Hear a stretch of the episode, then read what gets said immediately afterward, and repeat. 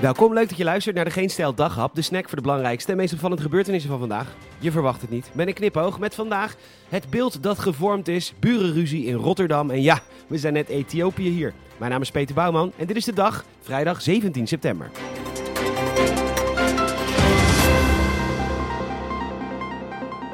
Hexit! Kaag is dan opgestapt na de motie van afkeuring van een meerderheid van de Kamer. Bijleveld, Defensie, kreeg er ook een, maar die stapte niet op. Inmiddels wel, want ze heeft ingezien dat de beeldvorming echt niet meer kon. Gisteren nog vond ze haar beeldvorming wel te verdedigen, maar de beeldvorming is veranderd. En nu moet ook zij erkennen dat ze niet langer goed heeft gebeeldvormd. En dat terwijl ze jarenlang minister van beeldvorming was. Een mastodont als het gaat om beeldvorming. Maar de beeldvorming haalt de beeldvorming soms in, hè. En dan moet het beeld dat gevormd is toch weer omgevormd worden. Dat is niet gelukt, want het gaat nog wel enkel en alleen om de beeldvorming.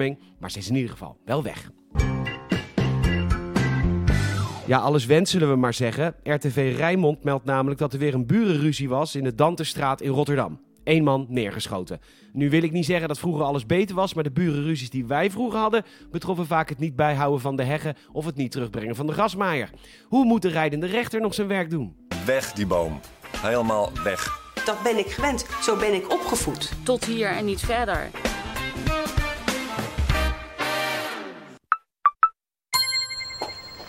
De kinderen kunnen beginnen met lawaai maken.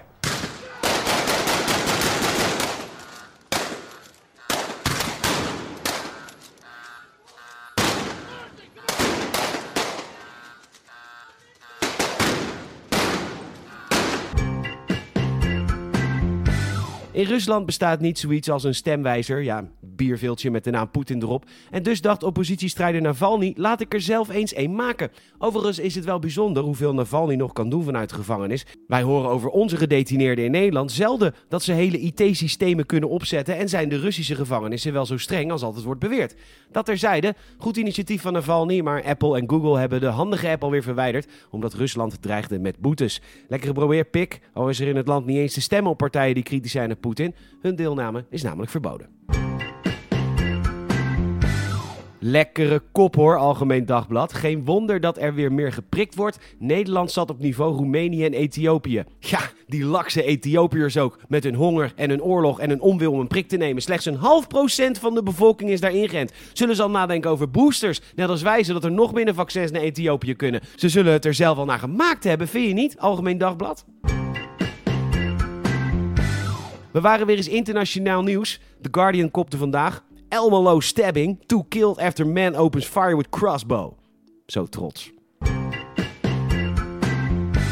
De Washington Post vertelt het verhaal over een aantal wetenschappers die de mammoet terug wil laten keren. Ze willen DNA van een Aziatische olifant pakken en daar dan kenmerken van de mammoet in stoppen. Super Jurassic Park natuurlijk. En de wetenschappers willen er zelfs voor zorgen dat verschillende oude diersoorten helpen tegen klimaatverandering. Mammoet komt terug in de Arctische toendra, waardoor er weer gras moet gaan groeien en zo de permafrost beschermd wordt. Natuurlijk is er ook veel tegenstand van wetenschappers die het maar onethisch vinden. André Hazes junior heeft een burn-out. Ook zijn vriendin heeft een burn-out. En ze is zelfs opgenomen in een behandelcentrum in Spanje. Dat meldt HLN. Je kunt maar beter in mooi weer behandeld worden dan hier natuurlijk. Waarom André Hazes een burn-out heeft is glashelder. Geen stress van vele optredens midden in de nacht in het hele land. Geen stress van te weinig inkomen, want de schaapjes zijn al lang op het drogen. Geen stress van een gebroken relatie, want ook dat is weer gefixt. God, wat heftig allemaal. Sterkte. Bedankt voor het luisteren. Je zou ze enorm helpen als je een vriend of vriendin vertelt over deze podcast. Je kan ons volgen via vriendvandeshow.nl en Spotify. En ook een Apple Podcast Review zouden we enorm waarderen. Vijf sterren alsjeblieft. Nogmaals bedankt. Tot morgen.